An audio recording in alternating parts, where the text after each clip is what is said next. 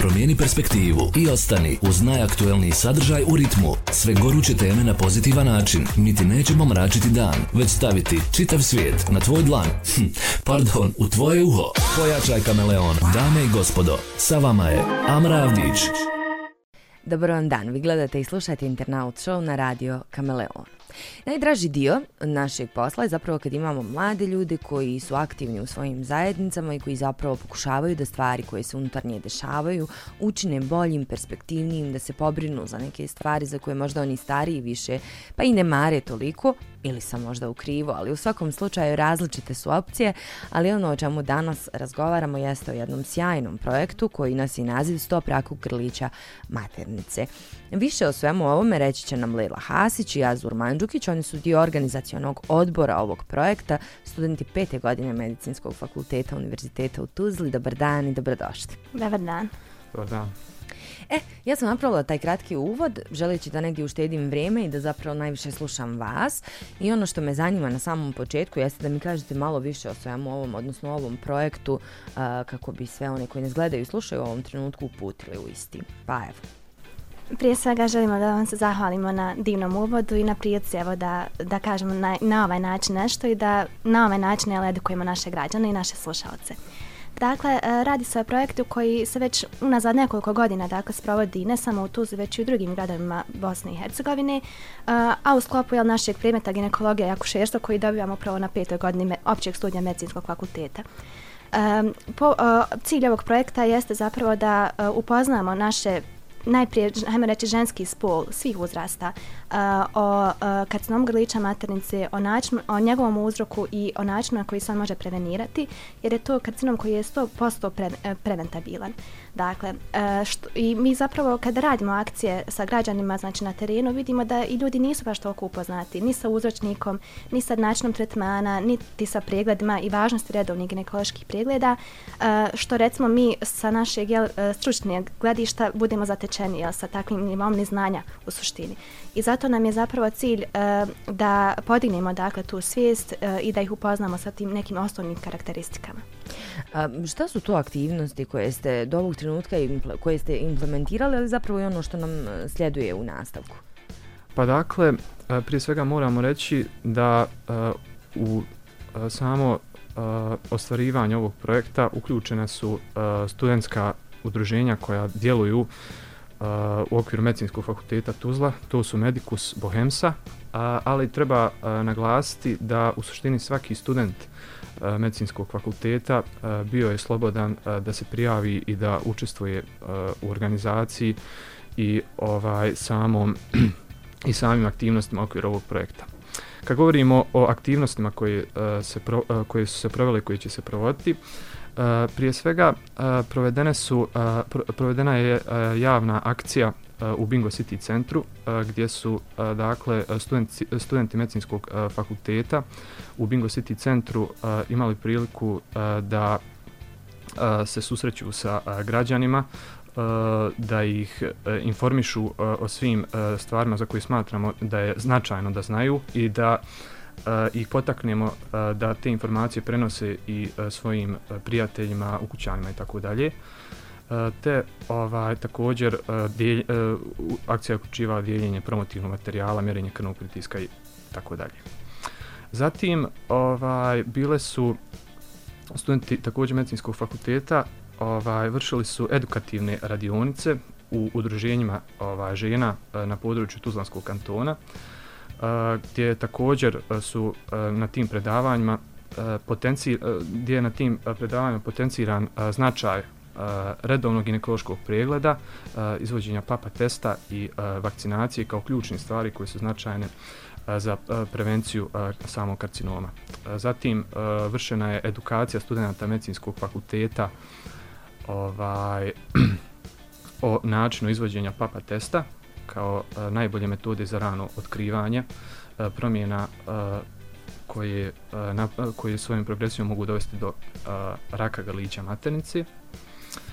Zatim, ovaj, a također, uh, najav, možemo sad i najaviti uh, aktivnosti koje nam ovaj predstoje, a to su uh, danas, evo, konkretno, uh, u 14 sati, dakle u petak, na Fakultetu za tjelesni odgoj i sport. U 14 sati, znači, održat će se čas samodbrani za žene. U subotu, koji to dođe, danas je uh, 26. je li tako? 27. Subotu januara. 27. januara u 18 sati u kući Plamena Mira održat će se uh, koncert uh, orkestra Balsika. I u ponedeljak 29. Uh, 29. januara u 18 sati uh, također će ovaj uh, biti održana, održana jedna edukativna predstava u prostor, uh, na kamernoj sceni Centra za kulturu Doma mladih Tuzla u 18 sati. Edukativna predstava koja tematizira neke realne životne svakodnevne situacije sa ko, uh, u kojima dolazi sa kojima se susreću uh, žene koje uh, koje dakle uh, u, je, u jednom uh, trenu svog života uh, dođu u kontakt odnosno uh, suoče se sa rakom grlića maternice i svim problemima koji proističu iz toga. I ovaj kao uh, uh, zadnja aktivnost ovog projekta uh, koja će se održati uh, uh, u mjesecu martu, 8. marta, uh, vršit će se uh, studenti medicinskog fakulteta uh, će vršiti uh, edukaciju učen, učenika i učenica u osnovnim i srednjim školama na području uh, Tuzlanskog kantona, dakle uh, o tome koliko je značajno reagovati na vrijeme i koliko svi moraju biti upućeni u ovoj vrlo bitnoj temi. Definitivno je tako, a evo na koji način a, konkretno da budemo što specifičniji i sa sami građani i građanke mogu a, pridružiti vašim akcijama. Ok, jasno nam je i stvari koje ste objasnili kao što su predstave, ali čisto da damo više informacija, dakle šta je otvoreno za javnost, šta ne i na koji način da se pridruže, da li su potrebne neke ulaznice, neke najave, rezervacije ili bilo što slično tome. Pa evo recimo, možemo govoriti o vakcinaciji kao o, hajmo reći, važnoj stvari na kojoj, koja je zapravo na građanima.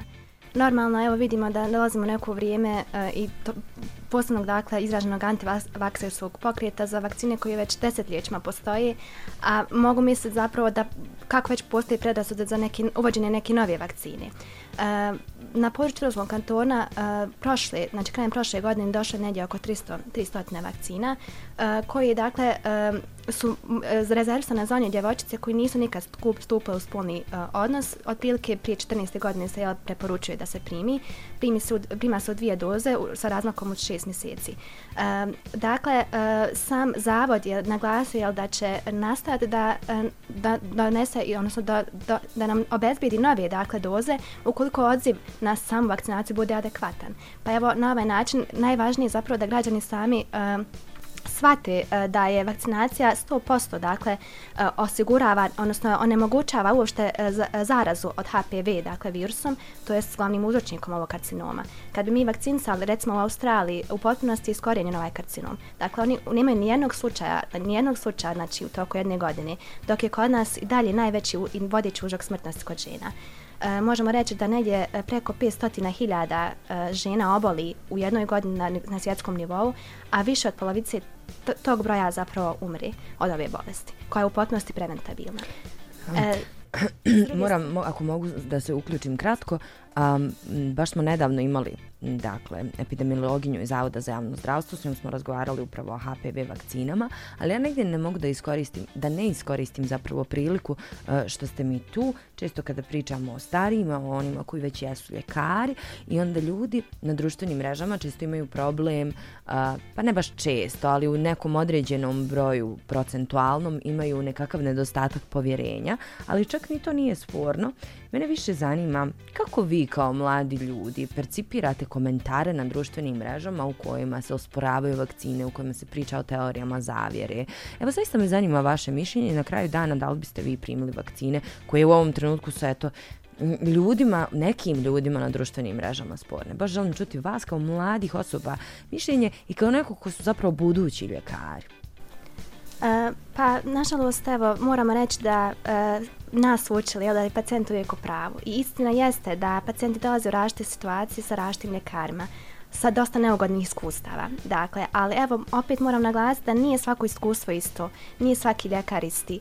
Um, I kada je konkretno riječ o vakcinaciji, vakcinaciji, ja lično sam evo primila vakcinu i protiv covid u više doza, dakle, i nisam imala nikakvih tegoba. Primala sam redovno su vakcinacije koje sam, moja majka je ljekar i kao takva me uvijek tako učila. Znači, ona je ljekar i dala je svom dijetu uh, vakcinu. Znači, mm -hmm. uh, u potpunosti ne bi, ne, sigurno ne bi meni ja nešto naštetila, uh, ni želila bi meni loše. Tako da uh, moram naglasiti da uvijek postoje neke kontraindikacije, ali da E, nažalost, ljudi pročitaju jedan članak, jedan slučaj i drže se jel, samo za njega. A postoji more druge informacija koje zanemaruju, a koje su zapravo ključne u, pri donošenju neke odluke. Tako da e, mislim da bi trebalo, prije nego što donosimo neke zaključke, evo ni mi nismo baš, e, hajme reći, stručni dovoljno pa da nesmo neki zaključak o nekoj temi, već ćemo sjesti sa ljudima koji su stručnjaci u nekoj oblasti. I postoje tačne indikacije, tačne kontraindikacije za davanje, odnosno nedavanje nečega. U ovom slučaju to je vakcina. E, nažalost, E, moram reći da izbjegavam lično čitanje bilo kakvih eh, komentara loši jer mi to stvara nelogodu i e, budem tužna nakon, nakon takvih dakle, e, komentara i evo nadam se da će se to promijeniti ali upravo e, smo mi zadužni za to. Dakle, evo, na ovaj način možemo malo osvijestiti građane da e, ne idu pred, ne teče pred rudi, što bi se reklo, da sagledaju sve informacije širom slikom e, i da shvate, da samo poredaju brojke, dakle, koje govore u prilogu konkretno za karcinom grlića, koliko ljudi, odnosno žena, obolijeva, koliko umire, a koliko je recimo imalo negativnih posljedica vakcinacije koje uopšte nisu zabilježene. A s druge strane imamo u potpunosti preventabilno, odnosno izlečenje nekog raka, govorimo o raku grlića. E, isto tako, e, ovom priliku moram spomenuti da pored vakcinacije koja je obezbijeđena dakle, za mlađu životnu dob, e, osobe, znači žene starije životne dobi moraju redovno ići na ginekološke preglede. Preporučuje se e, svake, hajme reći, godine po jednom, ukoliko spadaju onaj rizične faktore, međutim, može i dvije, svake dvije do tri godine, sve zavisnosti kako to ginekolog jel, na nalazu samom prijetodnom e, ženi jel, kaže. E, I također uh, trebamo naglasiti da uh, evo ovim putem sami ste spomenuli i pitali kako to žene mogu da doprinesu pa najbolji doprinos bi bio da, da zakažu ginekološki pregled da odu na isti i da uh, uče svoje djecu, da ne bude to tabu tema, da ne bude tabu tema uopšte, dakle, pričanja faktorima rizika poput ranog stupanja u spolne odnose, da izgrade jedan, um, hajme reći, uh, povjerenje među svojom djecom, ženskom djecom, ali također i muškom, jer uh, moramo naglasiti da su zapravo muškarci ti koji pre, su prinosnici, dakle, HPV infekcije. O zaštiti, o metodama kontracepcije, evo o vakcinaciji, uh, dakle, da uh, shvate da je da imaju svu moć u svojim rukama i da je zapravo sami na sebi trebaju i moraju iskoristiti. Evo, evo naša je dužnost da na ovaj način ih podsjetimo na to. Mm. Kolega, da li ćete vi nešto dodati? Pa ja bih samo dodao, a, vezano za a, ovo što ste pitali i za aktivnost, odnosno učešće a, uh građanstva u njima, nije potrebno nikakva a, najava, nisu potrebne nikakve ulaznice, rezervacije i tako dalje. Naš cilj je u suštini a, da poruka koju želimo da, po, da pošaljemo proširi se do što većeg a, broja ljudi. Tako da ovaj, u suštini a, nema nikakvih ograničenja, nema nikakvih zapreka, što veći broj ljudi a, to bolje Apsolutno se slažem i negdje smo vam zaista zahvalni za to što radite i što preuzimate neku vrstu odgovornosti um, u svojim mladim godinama za vrlo važna pitanja našeg društva i zato želim da zanima me e, šta vas motiviše da budete aktivistički angažovani jer budimo realni, vi ste studenti, možete isključivo da budete studenti, ali ste odabrali da se uključite i u ovakav jedan projekat. Pa evo, gdje je uporište vaše motivacije? Pa evo, ja, ja bi se nadovezala na naš, recimo, praksu i naš kontakt sa ljudima, dakle, govorim sa pacijentima. Mi smo već imali priliku da budemo na klinici, da budemo u ambulantama ginekološkim i svim drugim, ali evo, govorimo o ovom problemu.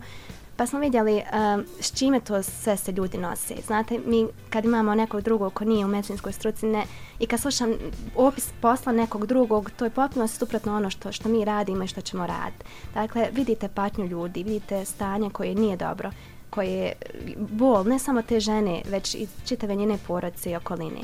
E, eto, baš sinoć smo bili na nekom e, predavanju gdje jedna djevoj, žena rekla da je imala promjenu na cerviksu i da je ostranjena dakle, ta promjena na vrijeme, ali da je dalje se boji otići ginekologu. A ja njoj kažem, pa vi ne biste bili sad ovdje s nama.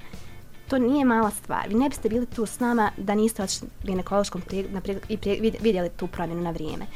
Dakle, najveća motivacija je to da ako već imamo mogućnost da nešto u potpunosti spriječimo, da mi to samo trebamo plasirati javnosti, jer bojim se, kažem vam, da, da nije dobro plasirano, da ljudi nisu upoznati. Um, I evo, čak i kad su upoznati, kad liječe neki problem, oni dalje imaju dakle uh, otpor prema izvođenju nekog drugog ginekološkog pregleda. Tako da um, moramo reći da uh, pod mentorstvom naše profesorce Dženite Ljuce, koja nam je odgovorna, dakle, uh, profesorca na našem predmetu, ona nas je, hajmo reći, i potakla i ona je zapravo uh, koordinator projekta svake godine, kao, dakle, stariji, dakle, iskusni član, te ovom prilikom joj se zahvaljujemo što i na nas je uspjela, jel, prenijeti tu želju da, da pomognemo ljudima u najboljem mogućem svijetu. Jer je bolje pomoć, vjerujte, da ljudima koji su zdravi, nego ljudima koji... Apsolutno ću se složiti s tim. ja također uh, složio bi se uh, sa svim što je kolegica rekla. Naravno uh, da uh, u suštini uh, naša je obaveza uh, kao osoba uh, koji se susreću uh, sa izvorom znanja, odnosno uh, sa ljudima koji su najkompetentniji uh, da govore o nekim stvarima. Tako da je naša maltene obaveza da pogotovo u današnje vrijeme, kao što ste spominjali, uh, različitih uh, uh, ovaj kontra, uh, da kažem, ovaj pogotovo u današnje vrijeme uticaj društvenih uticaj mreža, društvenih mreža uh, široke dostupnosti uh, informacija koje su u suštini ne, neprovjerene, uh, naša je dužnost da javnosti, našim sugrađanima uh, kažemo istinite, tačne informacije koje ne mogu biti E, čiji izvor ne može biti ispravniji od naših profesora koji se time bave e, dugi niz godina, koji imaju e, veliko iskustvo i koji sasvim sigurno uh, svim svojim pacijentima žele, samo, žele samo najbolje. Tako da se to pogotovo odnosi na ovu problematiku, zato kao što je kolegica već rekla, radi se o oboljenju koje, kad govorimo o oboljenjima malignim E, ženskih genitalnih organa, u našoj zemlji, nažalost, e, predstavlja najveći uzrok ovaj smrtnosti što ne bi e, trebalo da bude tako upravo iz razloga što je to oboljenje koje se razvija dugi niz godina i u tom periodu nažalost ne daje simptome ali u tom periodu se može 100% izliječiti. Znači može se 100% izliječiti. Tako da je za ovu problematiku najvažnije da svaka žena bude svjesna činjenice da mora voditi računa o sebi. Da mora, bez obzira što nema simptoma, jer nažalost u najvećem broju slučajeva kad se simptom pojave već je kasno, već je kasno nažalost, mora biti ovaj svjesna toga, mora biti odgovorna prema sebi i mora biti na kraju krajeva Odgovorno možda i prema svom društvu, porodici, jer Tako. znamo da karcinom bilo koje vrste zapravo nije bolest jedne osobe, Tako. nego stanje čitave porodice i nekako svi prolaze kroz to. Um, moram da kažem, i ja vjerujem da će se to kroz kameru, ali i kroz naše zvučnike uh, čuti i primijetiti da ste uh, prekrasni mladi ljudi u smislu odgoja, motivacije, žara kojeg nosite I moram za kraj onda da vas pitam jedno pitanje jer me strašno zanima. Mi nekako pokušavamo da ovo bude platforma uh, za mlade ljude gdje mogu slobodno da izraze svoj glas, da pričaju o stvarima koje rade, ali i o stvarima koje ih muče.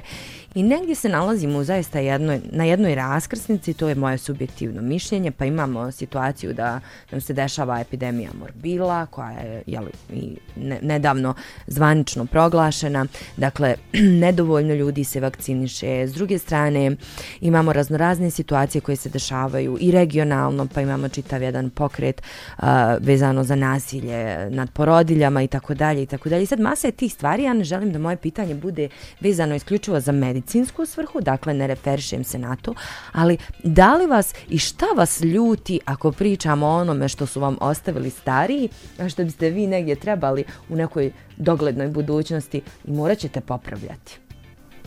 Možda je malo teže i kompleksnije pitanje koje niste u ovom trenutku očeki, očekivali, ali negdje mislim da mi možete biti sjajni sagovornici. Želim da čujem vaše mišljenje najiskrenije moguće. Dakle, šta vi kažete na to sve? Šta vas trigeruje?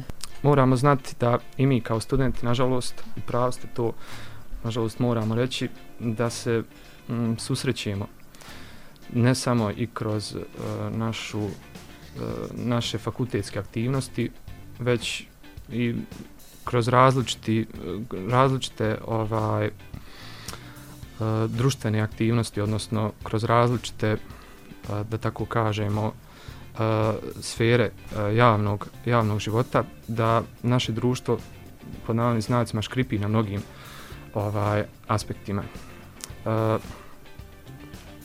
Kad govori konkretno šta nama najviše uh, u suštini smeta, pa meni što, što se mene lično tiče, osjećam ovaj problem možda konkretno u našoj struci zasigurno da ima izuzetaka, ali ja nekako smatram da gledajući ovako što smo mi prošli tokom naše praktične nastave i tako dalje, da ljekari manje više savjesno radi svoj posao, ali opet se moramo svrnuti na to da je a, pošast koliko god da je u savremenom svijetu a, značajna ta a, svekolika dostupnost a, informacija i tako dalje, moram opet naglasiti da ljudi previše često a, izvor samih informacija a, ne vrednuju onako kako treba, odnosno drugim riječima da ne slušaju ono koga bi trebali a, slušati. Zasigurno da je to problem koji a, ja smatram da u suštini e, e, u tom problemu nema uh, jednostranog uzroka, nego da je uzrok obostran. Mm -hmm. A zasigurno smatram da je najvažniji uzrok tome uh, čitave populacije, nedovoljna, nedovoljna želja čitave populacije da se usavršava, da unapređuje svoja znanja, da, da ne razbija predrasude apsolutno ovaj potrebno je uh, da se uh, predrasude uh, razbijaju a nismo svi kompetentni za sve ali potrebno je ovaj da slušamo one ljude koji jesu a mi mhm. hvala Bogu u našoj zemlji imamo ovaj takvi ljudi samo je potrebno njih promovisati njih je potrebno promovisati njih je potrebno ovaj u suštini slušati dakle ja mislim da u suštini uh, problem je konkretno evo recimo i za našu struku i ljekara i pacijenata, a rješenje je jednostavno u toj stalnoj edukaciji i nas, dakle i ljekara, buduća koda i u suštini pacijenata. Ja ću se nadavezati na kolegu, samo eto da spomenem zapravo da u suštini problem je površnost u pristupu svega i svih. Dakle, e, konkretno, evo, rekli ste, van naše struke, ljudi, nažalost, e, ne shvataju koliko dobra mogu u jednom trenutku uraditi. Evo mi kao studenti nastojimo da budemo dobri studenti naravno, ali da imamo niz drugih aktivnosti. I ako se već ufatimo jedne aktivnosti da je uradimo onako kako treba. Ne, kao što sam kolega reče, nismo svi kompetentni, nismo svi sposobni za sve, ali za ono za što jesmo, dakle nek je to jedna stvar u jednom danu, to je divno ako mi to uradimo onako kako treba. Tako isto i ljekari trebaju da shvate um, gdje je njihova granica u nečemu, ali isto tako i pacijenti s druge strane trebaju da shvate gdje su njihove dakle, granice. Dakle, uh, promijeniti taj pri, uh, pristup, dakle, svakoj obavezi i, uh, hajmo reći, pronaći se onom gdje smo najbolji. Svako od nas kad bi tako radio, mislim da bi društvo procvalo na svim nivoima. E pa hvala vam najljepša, hvala što ste bili moji gosti, hvala što radite ovaj sjajan projekat i ja vam želim puno sreće i da ostanete jednako tako motivisani i u narednom periodu. Hvala vam od srca bilo nam je zadovoljstvo. Hvala. Također, hvala na pozivu. Bićete sigurno vrlo rado naši gosti a, u narednom periodu, to jeste vrata su vam uvijek otvorena. Vama hvala e, što ste nas gledali i slušali. Učinite to i naredni put i svakako nemojte propustiti da ispratite ovaj sjajan projekat i ove divne mlade ljude.